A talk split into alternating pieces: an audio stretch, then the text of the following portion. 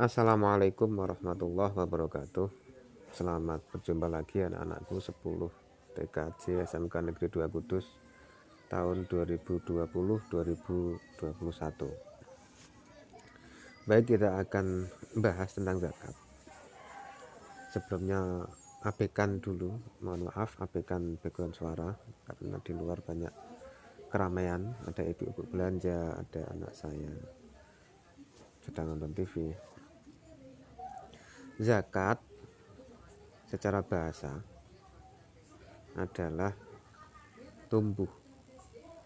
Zakat itu tumbuh zakat itu suci zakat itu berkah.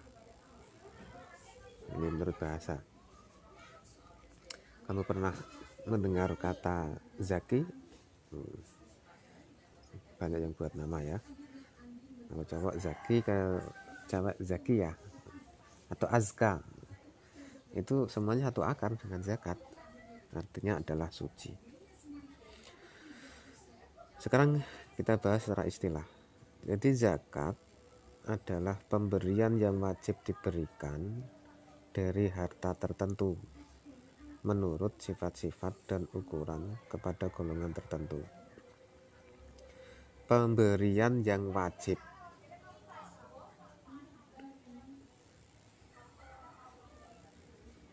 zakat ini merupakan rukun Islam ya. Jadi wajib. Sodakoh yang masuk kriteria sodakoh wajib. Jadi sodakoh itu kan ada yang sunnah, ada yang wajib. Nah, sodakoh wajib namanya zakat. Perkara yang wajib, sesuatu yang wajib kalau tidak dilakukan dapat dosa kalau dilakukan mendapat pahala. Sesuatu yang wajib kalau dilakukan pahalanya lebih besar daripada sesuatu yang sunnah. Ganjaran gede, nek ra dilakoni ya dosa. Supaya wong dodol lah. Modalnya gede, resikonya gede, untungnya lebih gede. Itu perkara wajib. Nek perkara sunnah pahalanya lebih kecil daripada sesuatu yang wajib sesuatu yang diwajibkan. Nong dodolan kan yang ngono.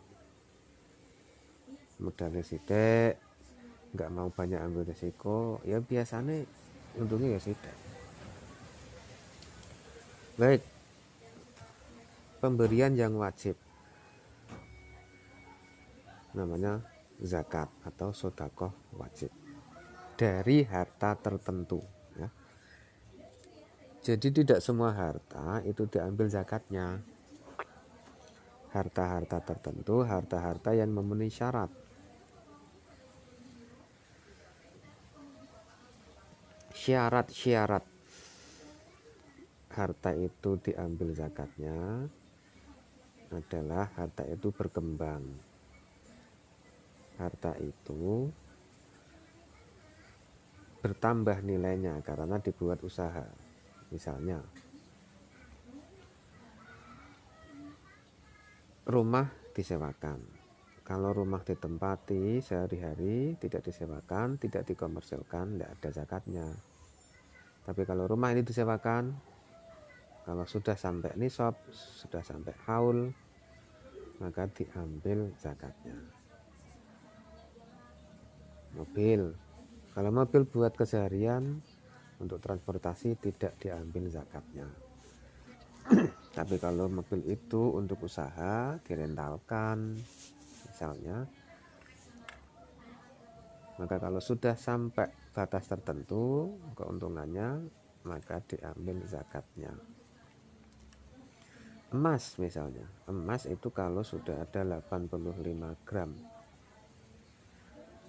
emas yang disimpan, emas yang dibuat untuk investasi, bukan yang dipakai.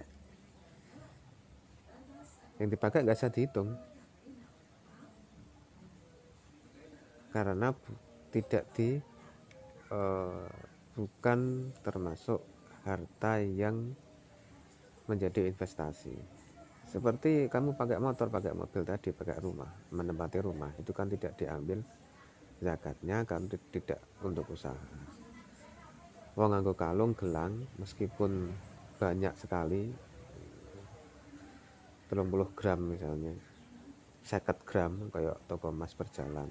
Ya nggak diambil zakatnya wong. Itu dipakai kok.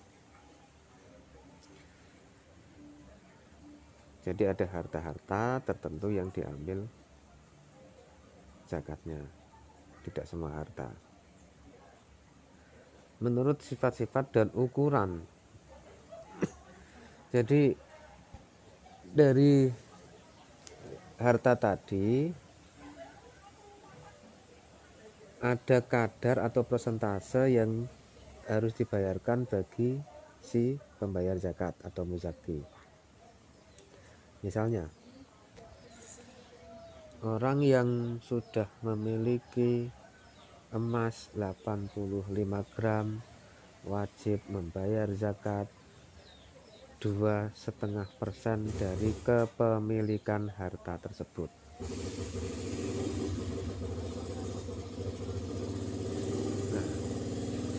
itu kan kadar atau ukuran. Kemudian diberikan kepada siapa? Kepada golongan tertentu. Ada delapan golongan di dalam surat At-Taubah ayat 60 jadi delapan golongan itu yang menjadi mustahik atau orang yang berhak atas zakat.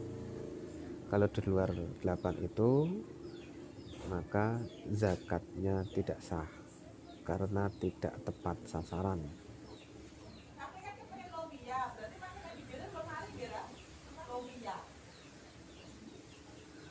Di dalam Al-Quran anak-anak betapa pentingnya zakat ini kata zakat ini terulang 82 kali di dalam Al-Quran yang bergandengan atau beriringan dengan perintah sholat. Sholat itu sesuatu atau ibadah atau syariat yang sangat penting sesuatu yang kelak di akhirat akan dimintai pertanggungjawaban pertama kali. Sehingga sesuatu yang didampingkan, yang selalu diiringkan dengan sesuatu yang penting, maka sesuatu itu penting juga. Itulah zakat.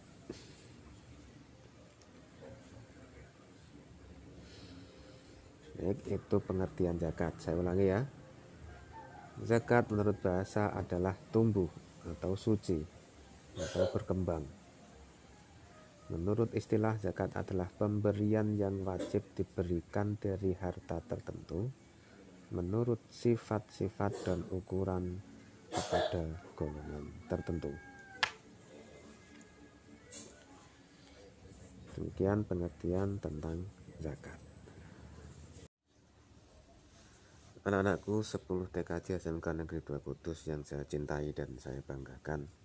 Kita lanjutkan pembahasan tentang zakat. Jadi zakat itu ada dua. Satu zakat fitrah, dua zakat mal. Zakat fitrah itu adalah zakat yang diwajibkan kepada setiap muslim sebagai santunan kepada orang-orang miskin tanda berakhirnya bulan Ramadan sebagai pembersih dari hal-hal yang mengotori puasa.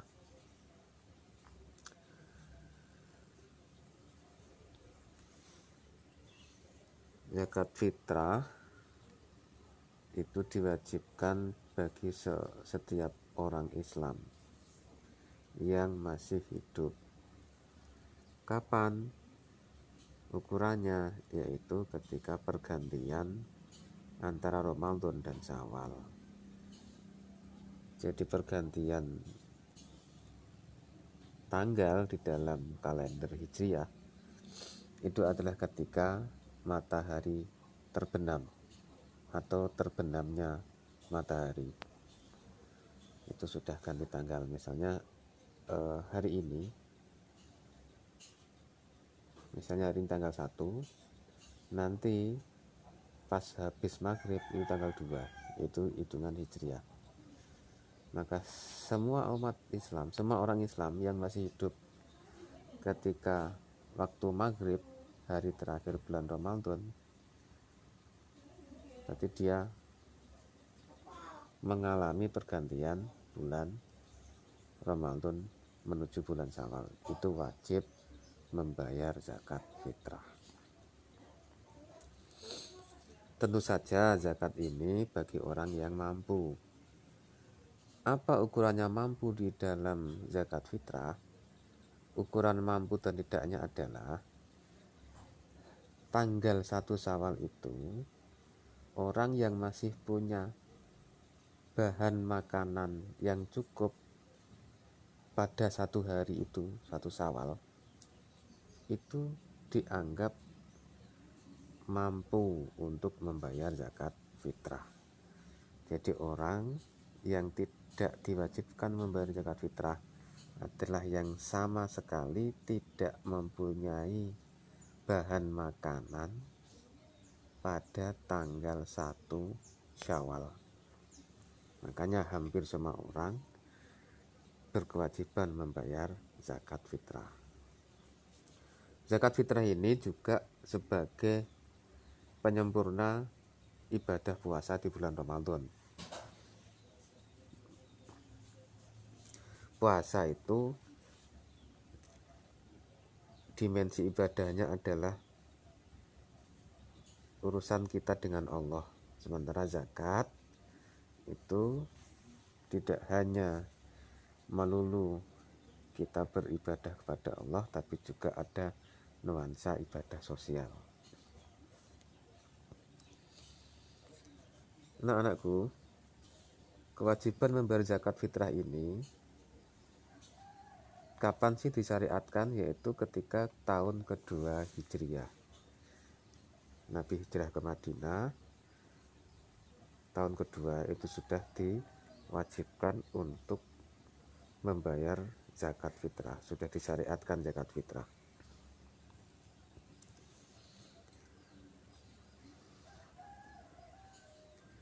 kapan dibayarkan ukuran orang itu sudah wajib atau apa belum itu kan ketika masih hidup be, eh, ketika pergantian bulan Ramadan dan Syawal.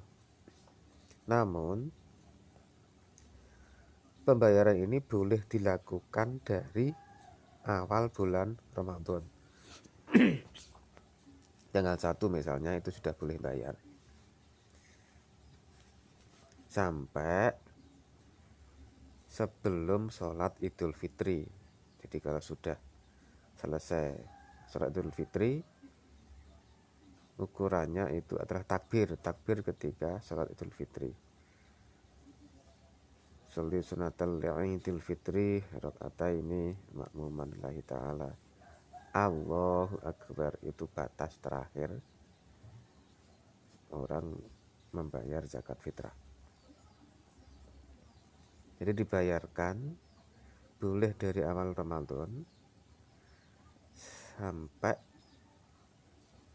imam membaca takbiratul ikram pada sholat idul fitri.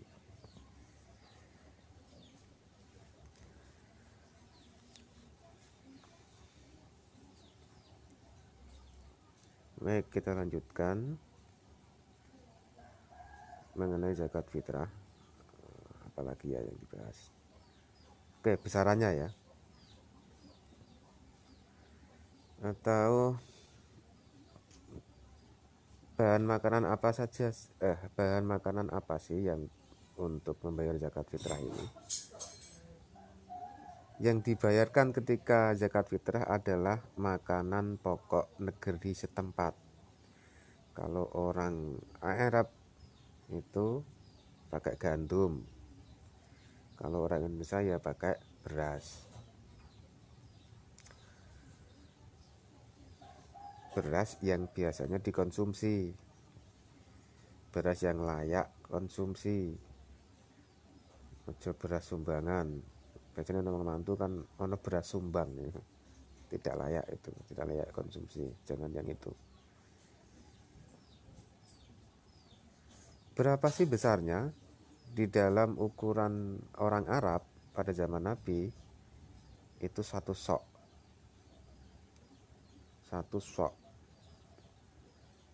Bahasa Arab ini bukan bahasa Jawa muli.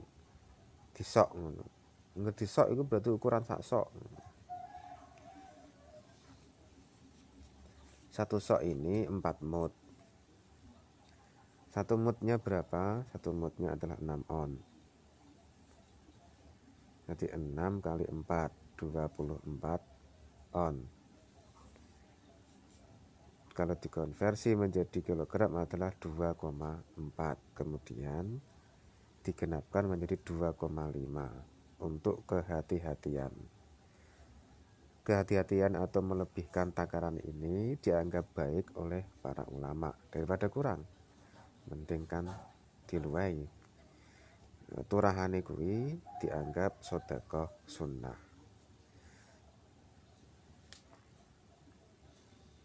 Boleh nggak sih uh, orang itu membayar dengan uang? Boleh tetapi ada akad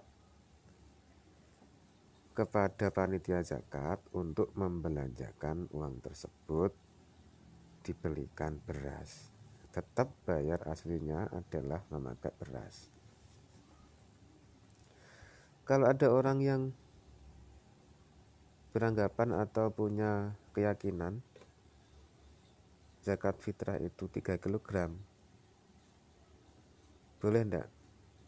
ya kalau ada dasarnya boleh. Yang 3 kg itu dasarnya begini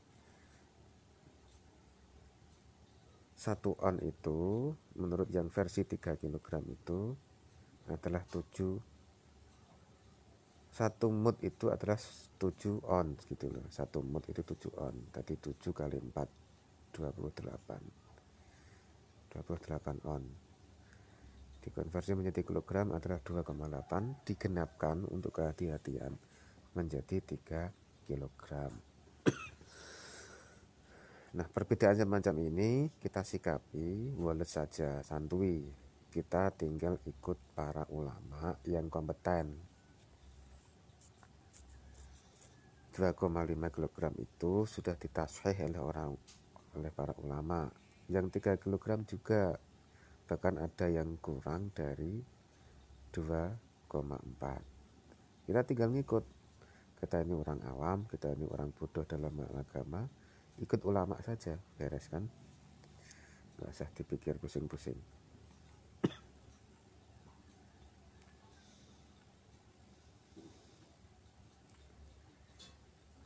Nah, orang yang membayar zakat itu nantinya akan mendapatkan pahala dari zakat fitrah tersebut karena ini adalah sodakah wajib maka pahalanya lebih besar daripada sodakah sunnah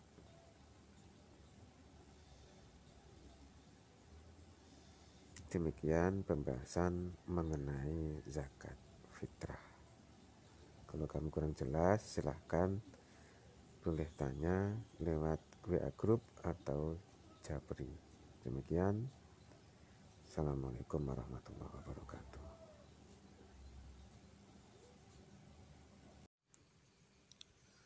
Baik, sekarang kita akan bahas tentang hukum zakat. Zakat merupakan rukun Islam zakat itu sudah wajib jadi jelas hukumnya adalah wajib wajib bagi individu misalnya suami istri suaminya bekerja istrinya juga bekerja. Maka zakat dihitung bukan sepasang suami istri tetapi suami bayar sendiri istri juga bayar sendiri. Jadi kewajiban individu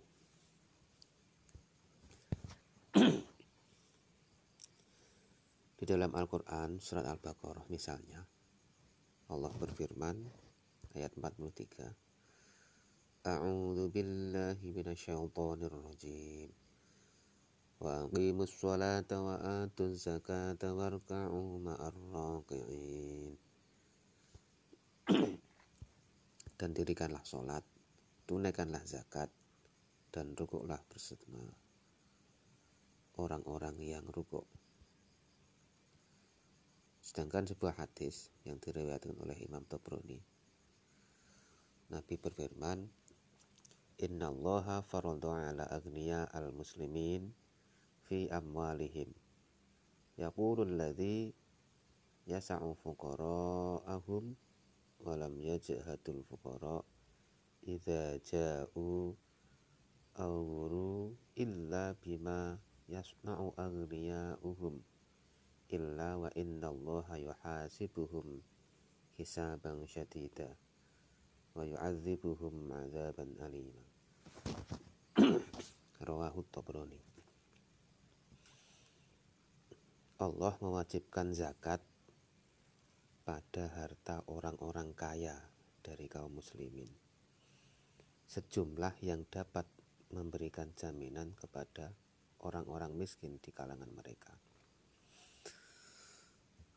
Fakir miskin tidak akan menderita kelaparan dan kesulitan sandang pangan, melainkan disebabkan perbuatan golongan orang kaya. Ingatlah bahwa Allah akan mengadili mereka secara tegas dan menyiksa mereka dengan azab yang pedih akibat perbuatannya. Dari hadis ini ada ketegasan dari Allah Subhanahu wa taala bahwa harta yang dimiliki oleh orang-orang kaya itu ada hak orang-orang miskin. Ketika orang-orang miskin menderita, maka ada yang bisa dipersalahkan dari orang-orang kaya ketika orang-orang kaya itu tidak peduli. Karena zakat ini wajib, sedekah wajib, maka barang siapa yang tidak membayar zakat bagi orang-orang yang sudah punya kewajiban zakat, Allah akan mengadili mereka secara tegas. Jadi jelas zakat merupakan syariat yang wajib dilakukan oleh orang Islam. Saya pengen menegaskan di sini kalau zakat fitrah itu sudah sering dilakukan, yang sekarang banyak atau mungkin masih dianak dirikan adalah zakat mal. Demikian anak-anakku, kita akhiri sesi atau segmen hukum zakat.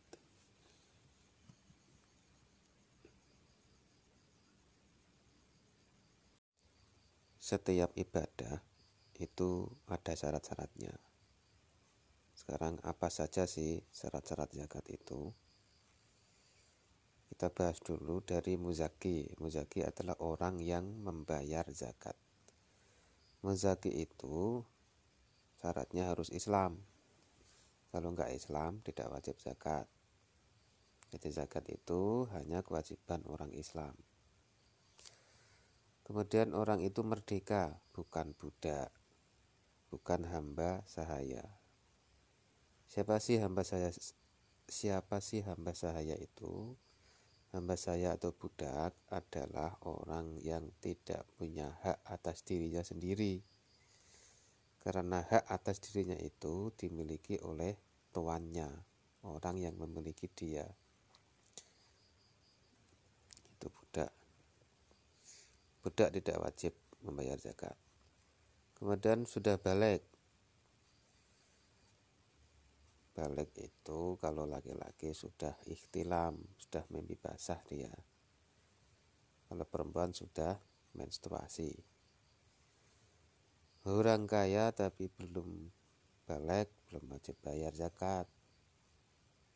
Misalnya ada youtuber cilik, youtuber beruh, toko YouTube. Subscribernya itu sudah puluhan juta misalnya. Ditekanake tapi dia belum balik belum wajib bayar zakat. Kemudian dia berakal. Islam merdeka balik tapi ranti akal. Nah kali ketutup. Alias orang alias orang gila. Itu tidak wajib bayar zakat sedangkan dari dilihat dari sisi harta harta itu harus milik penuh miliknya dia. Dia punya kewenangan sepenuhnya atas harta tersebut. Dia memiliki kekuasaan memiliki kekuasaan atas harta tersebut. Kemudian harta itu berkembang. Harta itu bukan harta yang mangkrak harta yang dizakati adalah harta yang berkembang secara nilainya jadi harta itu bisa membawa keuntungan bagi si pemiliknya, menambah pendapatan atau sumber pendapatan bahkan. Itu yang dizakati. Ini beda dengan pajak. Kalau pajak entah itu menghasilkan keuntungan atau tidak, tetap orang harus bayar pajak. Ada tanah, disewakan untuk parkir motor. Ya kalau setahun sudah setara dengan nilai 85 gram emas ya wajib zakat. Tapi kalau tanah itu hanya hanya dibiarkan saja dicuekin tidak menghasilkan uang ya tidak diambil zakatnya kemudian lebih dari kebutuhan pokok. Harta itu dipotong kebutuhan pokok. Kebutuhan paling dasar manusia kebutuhan makan kebutuhan ya sandang pangan papan. Tetapi yang standar kebutuhan dasar manusia. Kebutuhan dasar itu yang bagaimana sih kebutuhan dasar itu antara orang kaya dan orang miskin itu sama. Ya sandang pangan papan itu.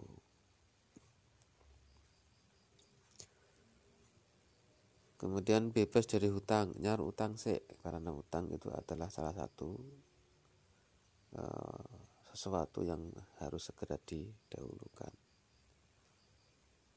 Berlaku setahun jadi haul haul atau harta itu sudah ada satu tahun tinggi per tahun. Jadi kalau zakat fitrah itu Ramadan zakat mal belum tentu. Kalau dia ngitungnya satu tahun itu di bulan Zulhijjah ya Zulhijjah terus. Kalau ngitung pakai kalender Hijriah jangan kalender Masehi karena yang menjadi patokan ibadah itu adalah kalender Hijriah itulah syarat-syarat zakat Zakat diberikan kepada delapan golongan, sering disebut dengan mustahik atau orang yang berhak mendapatkan zakat. Delapan golongan ini ada di dalam surat At-Taubah ayat 60. A'udzu billahi minasyaitonir rajim.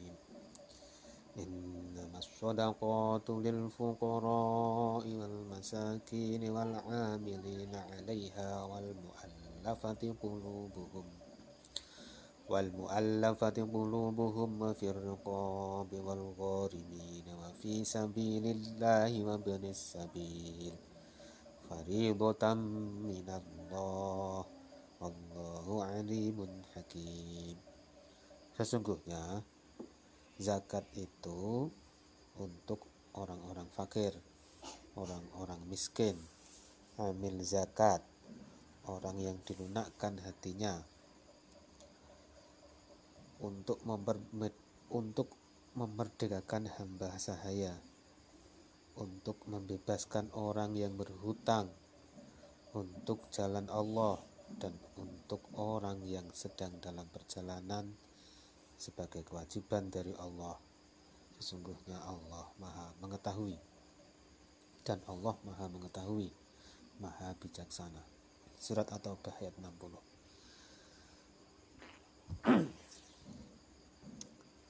yang pertama dari delapan golongan itu adalah fakir. Siapa sih fakir itu? Fakir adalah orang yang hanya mampu menyukupi kebutuhan diri dan keluarganya di bawah 50%. Misalnya, satu bulan kebutuhan keluarganya 4 juta. Dia baru mampu menyukupi di bawah 2 juta. Ini namanya fakir. Golongan yang kedua, miskin. Orang miskin yaitu orang yang hanya mampu menyukupi kebutuhan diri dan keluarganya antara 50 sampai atau di bawah 100%. Ini orang kismin, eh, orang miskin. Jadi lebih eh, mengenaskan yang fakir ya. Yang ketiga adalah amil atau pengelola zakat. Amil ini beda dengan panitia. Kalau panitia itu musiman, misalnya panitia zakat fitrah dibentuk di awal Ramadan, dibubarkan di awal Syawal. Di, di luar bulan itu mereka tidak mengurusi zakat. Ini namanya panitia. Kalau amil beda lagi. Amil harus mendapatkan izin dari pemerintahan yang sah. Dalam hal ini, amil-amil di Indonesia mendapatkan izin dari presiden. Presiden yang melimpahkan kewenangannya ke Kementerian Agama. Kementerian, Kementerian Agama menerbitkan izin kepada amil zakat. Amil zakat yang resmi dari pemerintah adalah Basnas, Badan Amil Zakat Nasional. Sementara masyarakat juga boleh membentuk amil zakat asalkan sesuai dengan aturan. Jadi ada aturan-aturan bagaimana amil itu mendapatkan izin bahkan bisa jadi izin itu dicabut ketika melanggar aturan-aturan yang sudah ditentukan. Ada audit ada harus mencapai target sekian. Nah itu amil zakat. Kemudian mu'alaf mu'alaf ini orang yang baru masuk Islam atau orang yang uh, punya harapan untuk masuk Islam Artinya dia punya tanda-tanda, punya sinyal bahwa tertarik dengan ajaran Islam. Ini termasuk mu'allaf. Bedakan dengan mukallaf ya. Kalau mukallaf adalah orang yang dibebani menjalankan syariat Allah. Mukallaf itu adalah orang yang balik dan berakal. Balik kalau laki-laki sudah ikhtilam atau mimpi basah kalau perempuan sudah menstruasi atau haid. Itu balik. Berakal ya dia bisa membedakan baik dan buruk. Akalnya normal. Ini mukallaf. Jadi jangan e, tertukar. Kemudian yang kelima Yang kelima adalah untuk budak.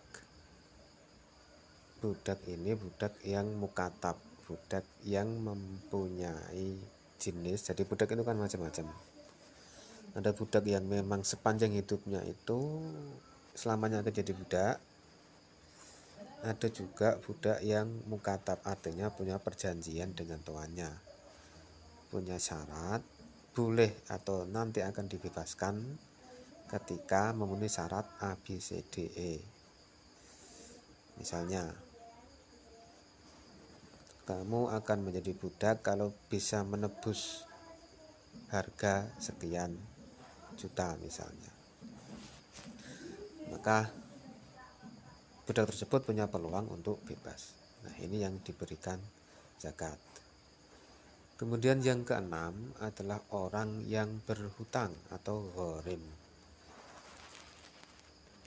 orang yang berhutang ini adalah orang yang berhutang karena untuk kepentingan yang bukan maksiat dan tidak sanggup membayarnya. Adapun orang yang berhutang untuk memelihara persatuan umat Islam boleh dibayarkan hutangnya dengan zakat walaupun ia mampu membayarnya. Jadi hutangnya untuk kemaslahatan baik kemaslahatan diri dan keluarganya maupun kemaslahatan umum. Makanya di bulan-bulan Ramadan, akhir-akhir bulan Ramadan itu kan sering ada permintaan zakat dari gorim. Misalnya ada pembangunan masjid di daerah tertentu karena pembangunan masjid itu mangkrak, ada orang yang siap menyelesaikan bangunan masjid tersebut. Mungkin gemes dia, masjid kok ya hono, ya ini rata jadi. Wes, tak rampung ke aku. Nah, karena dia berani ngambil resiko itu, biaya masjid juga nggak sedikit, akhirnya dia punya utang nah, ini termasuk gorim dengan yang ketujuh adalah sabilillah. Orang yang berjuang di jalan Allah. Yaitu untuk keperluan pertahanan Islam dan kaum muslimin. Di zaman Nabi Sabilillah adalah separa sahabat yang berperang Di antara mufasirin atau ahli tafsir ada yang berpendapat bahwa sabilillah itu juga mencakup kepentingan-kepentingan umum seperti mendirikan sekolah, rumah sakit, guru-guru ngaji yang tidak digaji. Sehingga apa pun yang dilakukan asalkan itu tetap berjuang di jalan Allah, memperjuangkan agama Allah itu termasuk sabilillah